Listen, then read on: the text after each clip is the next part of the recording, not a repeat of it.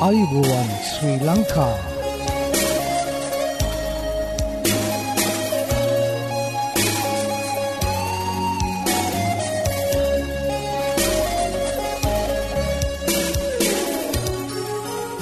ඔබට සුපදස මේ ඇඩවෙන්ටිස්වර් රේඩියෝ බලාපොරොත්වය හඬ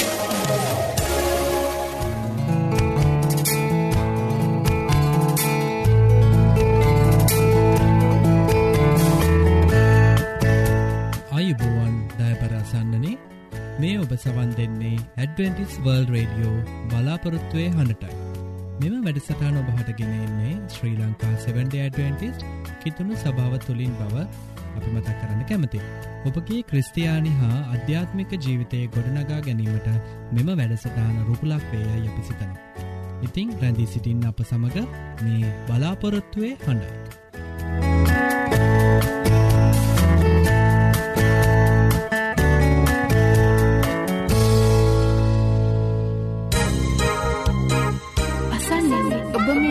සිටින්නේ ඇඩවෙන්ටිස් වර්ල් රේඩියෝ බලාපොරොත්තුවය හඬ සමඟ.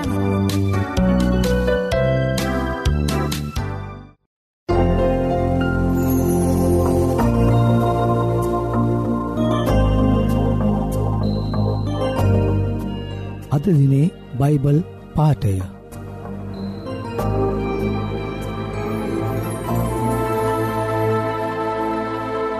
ගීතාවලිය අසූහයවන පරිච්චේදේ හතරේ සිට පහදක්වා. ස්වාමිනී ඔබ දෙසට මාගේ ආත්මය ඔසවන බැවින් ඔබගේ මෙහෙකරුවාගේ ආත්මය ප්‍රීතිමත් කළ මැනව. මක්නිසාද ස්වාමිනී ඔබ යහපත්ය කමා වෙන්නට සූදානම් සේක. ඔබට යාඥා කරන සියල්ලන්ට ඔබ බොහෝ කරුණාවන්තය.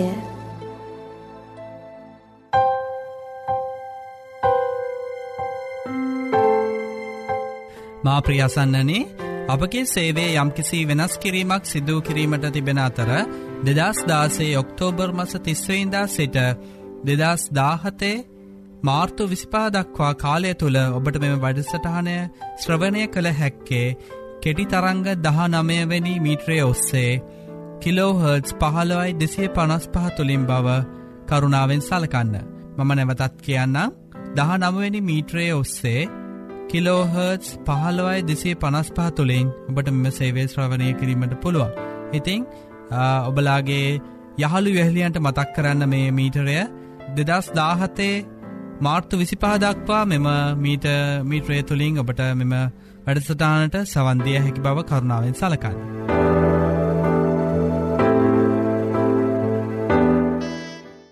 ධෛර්ය බලාපොරොත්තුව ඇදහිල්ල කරුණාවසා ආදරය සූසම්පති වර්ධනය කරමින් ආශ් වැඩි කරයි.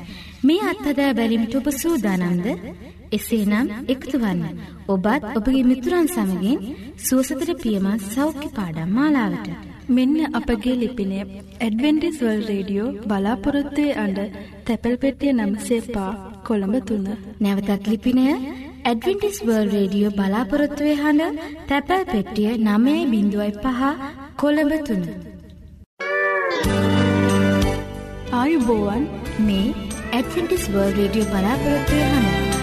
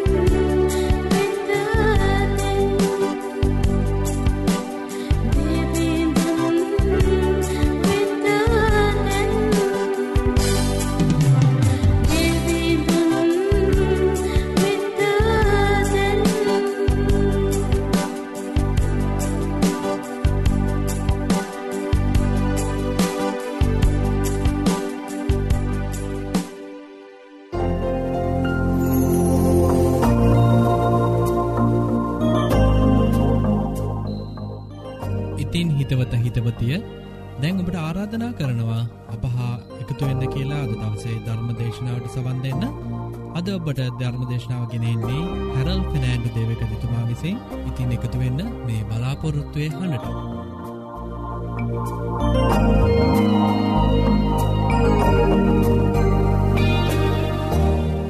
ප්‍රිය අසන්නනී ඔබ අද සමාජය තුළ දැකලත් ඇති කියවලත් ඇති විවිධ ලියවිලි.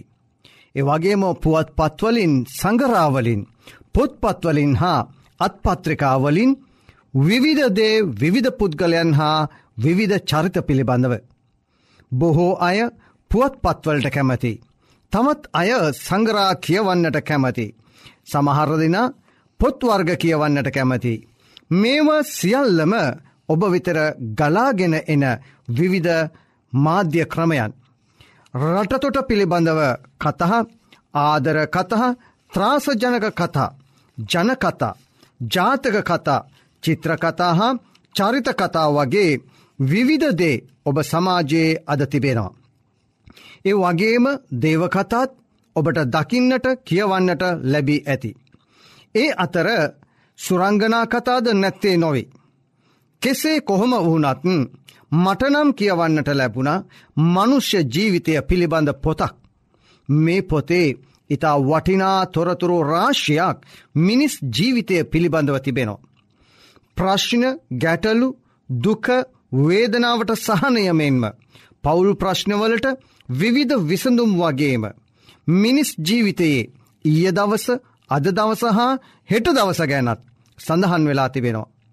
ඔබ මේවා සොයාගෙන ඉගෙන ගැන ඒවා තුළ පවතිනවනම් ඔබට සදාකාලික වූ ජීවිත ජයග්‍රහණය ලබාගන්නට පුළුවන්. මේ පොත නැතිනම් ලියවිල්ල මනුෂ්‍යාව නිර්මාණය කළ මිනිසාට ජීවත් වන්නට සුදුසු යහපත් පරිසරයක්ද සාදාදුන්නා වූ උතුම් ශ්‍රේෂ්ඨ උතුමානන්ගේ ලියවිල්ලයි. මිනිස් වර්ගයාට දුන්නා වූ ඉපැරණි පොරොන්දුව හා නව පොරොන්දුවක් ලෙසින් එතුමානන්ගේ ආත්මයානන් විසින් මනුෂ්‍යයන් කීප දෙනෙකුට පෙන්වා දෙනු ලැබ එම මිනිසුන් විසින් ලියා රක්ෂා කරතිබූ ලියවිල්ලක්. මනුෂ්‍ය වර්ගයාගේ දුෘෂ්ටකමේ ශාපයෙන් හා අරගලකාරීකමේ ශාපයෙන් දඩුවමෙන් ගැලවෙන්නට ඔබට අවශ්‍ය දැන ගැනීම මෙම වචනය තුළ දෙවිඳුන් ඇතුළත් කර තිබෙනවා. මෙම පොතේ සඳහන්දේ සියල්ලම දෙවිඳුන්ගේ කැමැත්ත කුමක්ද කියා පෙන්නුම් කරදීමයි. මෙහි මනුෂ්‍ය ජීවිතයේ පැවත්ම වූ ඉතිහාසය අනාවැකි කවි ගීත සුභාරංචි ඉදිරියේ පැවැත්ම ගැනද. ලියවිලා තිබෙනවා. බොහෝ විද්‍යාත්මක දේහා සාහිත්‍ය කලාවත් ඇතුළත්ව පුදුම සහගත වූ පුස්තකයක් මේක. මෙම පොතේ ස්ථානකීපයක් අපි දැන් විමසලා බලමු. දෙක පේත්‍රස් එක විසි එක මෙහෙම කියනවා. කිසි අනාගත වාක්‍යයක් මනුෂ්‍ය කැමැත්තෙන් කිසි කල්ලක නොපැමිණියේය. නමුත් මනුෂ්‍යයෝ ශුද්ධාත්මයාණන් විසින් පොළඹවනු ලැබ දෙවියන් වහන්සේගෙන් ලැබූ ලෙස කතහ කළෝය. සුදු පවුලුතුමා තිමෝතිට ලියමින් දෙක තිමෝති පොතේ තුනේ දාසය මෙහෙම කියනවා. දෙවියන් වහන්සේගේ මනුෂ්‍යයා සම්පූර්ණව සියල්ලු යහපත් ක්‍රියාවලට සූදානම්ව සිටින පිණිස. දේවානු භාවයෙන් දුන් මුළු ලියවිල්ල ඉගැන්වීමටත් තරවටුවටත් හික්මවීමටත් ධර්මිෂ්ඨකම ගැන ගුරුකම් දීමටත් ප්‍රයෝජනවත්ව තිබෙලයි කියලා. ධවිත් රජතුමා ලියෝ ගීතයක මෙසේ සඳහන් වෙනවා. ගීතාවල එකසිය දහනමේ එකසිය පහ සමග එකසිය හැට කියවන්න. ඔබගේ වචනය මාගේ පාදයන්ට පහනක්ය. මාගේ මාවතට එලියක්ය. ඔබගේ වචනයේ මුළු අදහසනම් සත්‍යතාවයයි. ගීතාවලිය දොළහි හය හත මෙහෙම කියනවා. පොළොවේ උදුනක සත්වරක් පවිත්‍ර කළ රිදීමෙන් ස්වාමින්ගේ වචන පිරිසුදුයි කියලා. පටන් ගැන්මේ සිටම සත්‍යය වන උන්වහන්සේගේ වචනය සත්‍යය වන අතර ඒවා ආරක්ෂා කර තිබෙන හැටිත්තිකක් හිතල බලන්න. ඒ වගේම දේව වචනය සදාකාලික බව මතයුතුමා පවසනවා. අහසත් පොළොවත් පහව යන්නේය නොමුත් මාගේ වචන පහනවන්නේය මතයව් විසි අතර තිස් පහ. දේව වචනය ඔබට බලාපොරොත්තුව ගෙන දෙන නිසා එය කියවල ඉගෙනගෙන ඔබගේ ජීවිතයේදී ජේසුස් ක්‍රිස්තුස් වහන්සේ තුළ බලාපොරොත්තුවක් ඇති කරගන්න. රෝම පහළව හතර මෙහෙම කියනවා. ඉවසිල්ල කරන කොටගෙන ලියවිලිවලින් හටගන්න සැනසිල්ල කරන කොටගෙන. අප බලාපොරොත්තුව ඇතිව සිටින පිණිස පූර්වයෙහි ලියන ලද සියල්ල අපගේ ඉගෙන ගැනීම සඳහා දෙන ලද්දය කියලා. බලන්න කොච්චර ලස්සනද. අපට ඉගෙන ගන්න මෙව සෑම දෙයක්ම දීලා තිබෙනවා. ඒවා ඉගෙනගෙන කියවන්න. අපි ඒ අනුව ජීවත්වෙනවා නම් ඔබගේ ජීවිතය ආශිරවාදමත් වෙනවා. දෙක තිමෝති තුනේ පහළුව මෙහෙම කියනවා. ක්‍රිස්තුස් ජේසුස් වහන්සේ කෙරෙහි ඇදහිල්ල කරන කොටගෙන. ගැලවීම පිණිස නොබ නැනවත් කරන්නට පුළුවන් වූ ශුද්ධ ලියවිලි. නොබ බාල වයසේ පටන් දැනගෙන සිටින බවත් දැන ඒවායෙහි පිහිටා සිටපන්න. මොනො සඳහාද ඇදහිල්ල කරන කොටගෙන ගැලවීම ලබන්නට පාපෙන් මිදීම ලබන්නට මේ සුද්ද ලියවිල්ල කියවලා ඉගෙන ගන්න. ඒ වගේම යොහන් පහේ තිස් නමය මෙහෙම කියනවා. ලිය විලිවල සදාකාල ජීවනය ඇත්තේ අයි නුබලා සිතන බැවින් ඒවා සොයන් නොහිය. දෙකතිමෝති දෙකේ පහළව. සැබෑවේ වචනය හරි ආකර පහදා දෙන්නා වූ කියා මේ ස්ථානය පැහැදිලි කරනවා. යොහන් දාසේතුන් දහතුන කියනවා. සැබෑකමේ ආත්මයණන් වහන්සේ ආ කල උන්වහන්සේ මුළු සත්‍යය කරා ඔබට මඟ පෙන්ඩවනොයි කියලා. යෙසාය දිවස්වරයා කියනවා ව්‍යවස්ථාවද ශාක්ෂයද වෙතට යමු. ඒ වචනී හැටියට ඔවුන් නොකිව්වොත් ඔවුන්ට පහන්වීමක් නැත කියලා. ඒ වගේම හිතෝපදේශ පොතෙත් මෙහෙම පැහැදිලි කරනවා. දෙවියන් වහන්සේගේ සියලුකීම් පවිත්‍රය.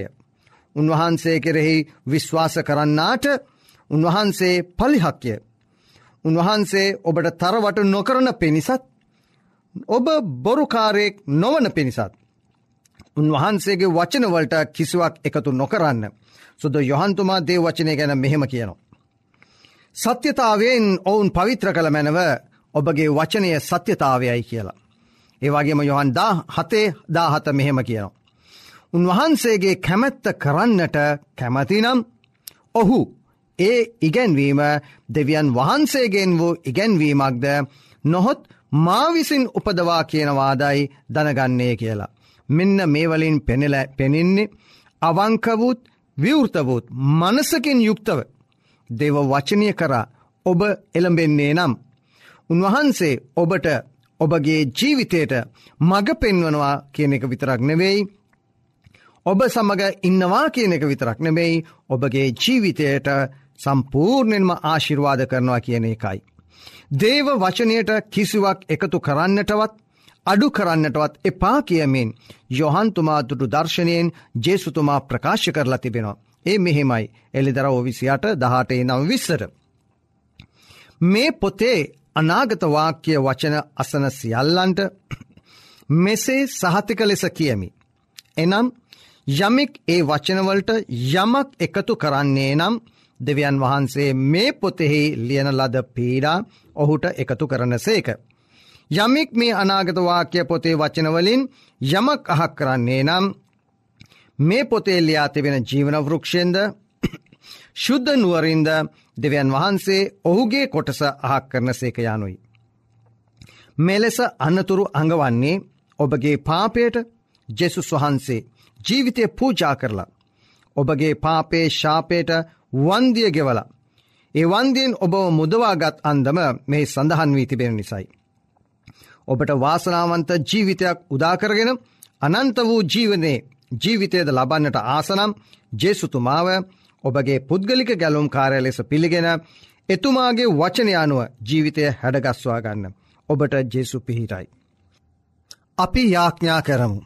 ස්වර්ගේ වැඩ සිටින දෙවි පියාණනී ඔබ වහන්සේගේ ශ්‍රී නාමයට ගෞරය කරමින් ඔබහන්සේ රාජ්‍ය ඉක්මනින්ම පිහිටවන්නට කියලා ඉල්ලා සිටින අතර. ඔබ වහන්සේ විසින් දුන්නාව මේ ලියවිල්ල හොඳට ඉගෙනගෙන. ඒවා තේරුම් ගන්නට ශුද්ධහත්ම බලය ලබාදී. ඒ ගැලවීමේ මාර්ගය තේරුම් අරගෙන මගේ පාපයෙන් මිදෙන්නට ජේසුතුමාව පිළිගන්නට මට පිහිටවෙන්න. ජේසුතුමාගේ ඒ කුර්සීයාගේ තුළින් පාපෙට සමාව ලබාගෙන ගැලවීම ලබාගෙන උන්වහන්සේ වෙතර කිට්ටුවන්නට මට පිහිටවන්න ජේසු සම්මිධානනී ඔබ වහන්සේ මගේ පාපයට සමාව ලබා දෙන්න. ඒ වගේම මගේ ජීවිතය ඔබට භාර කරන්නට කැමති මේ ඉල්ලා සිටින්නේ ආදරණීය ජේසු සම්මිධානන්ගේ නාමෙන්ය ආමෙන්. ධෛර්ය බලාපොරොත්තුව ඇදහිල්ල කරුණාවසා ආදරය සූසම්පත වර්ධනය කරමින් ආශ් වැඩි කරයි. මේ අත්හදා බැලිමිට ඔබ සූදානන්ද එසේනම් එකතුවන්න ඔබත් ඔබගේ මිතුරන් සමගින් සුවසතර පියමත් සෞඛ්‍ය පාඩම් මාලාවට. මෙන්න අපගේ ලිපිනය ඇඩවෙන්ඩිස්වල් රේඩියෝ බලාපොරොත්තුවේ අඩ තැපැල් පෙටිය නම්සේ පා කොළඹ තුන්න. නැවතත් ලිපිනය ඇඩවෙන්ටිස් වර්ල් රේඩියෝ බලාපොරොත්තුවේ හඬ තැපැල් පෙට්ටිය නමේ බිඳුවයි පහ කොළඹ තුන්න.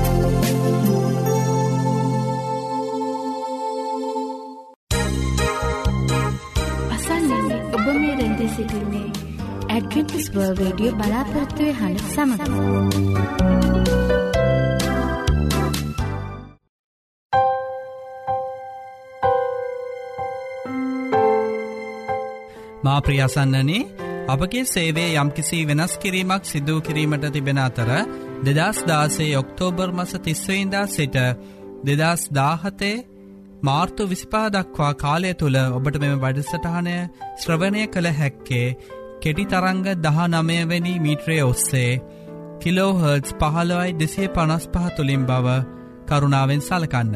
මම නැවතත් කියන්න දහ නමවෙනි මීට්‍රය ඔස්සේ කිලෝහර්ටස් පහළොවයි දෙසේ පනස් පහ තුළින් ඔබට මෙම සේවේ ශ්‍රවණය කිරීමට පුළුවන් ඉතිං ඔබලාගේ යහළු වැහලියන්ට මතක් කරන්න මේ මීටරය දෙදස් දාහතේ මාර්තු විසිපහ දක්වා මෙම මීට මීට්‍රය තුළින් ඔබට මෙම වැඩසටානට සවන්දිය හැකි බව කරුණාවෙන් සලකන්න.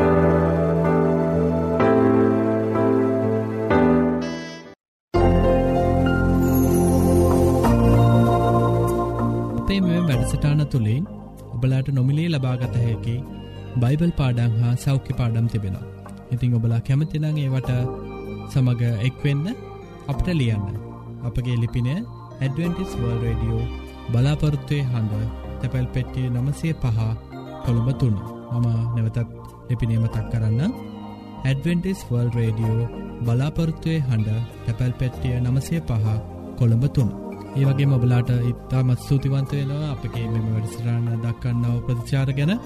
අපට ලියන්න අපගේ මේ වැඩසටාන් සාර්ථය කර ගැනීමට බලාගේ අදහස් හා යෝජනාවට අවශ්‍ය. අදත් අපගේ වැඩසටානය නිමාව කරාලඟාව තිබෙනවා. ඉතිං පුරා අඩහෝරාව කාලයක් අප සමඟ රැඳී සිටිය ඔබට සූතිවන්ත වෙන අතර හෙටදිනෙත් සුපුරුදු පරිදි සුපුරුදු වෙලාවට හමුවීමට බලාපොරොත්තුවයෙන් සමුගන්නාම ප්‍රස්ත්‍රිය එකනායක ඔබට දෙවියන් වහන්සේගේ ආශිර්වාදය කරුණාව හිමියේවා.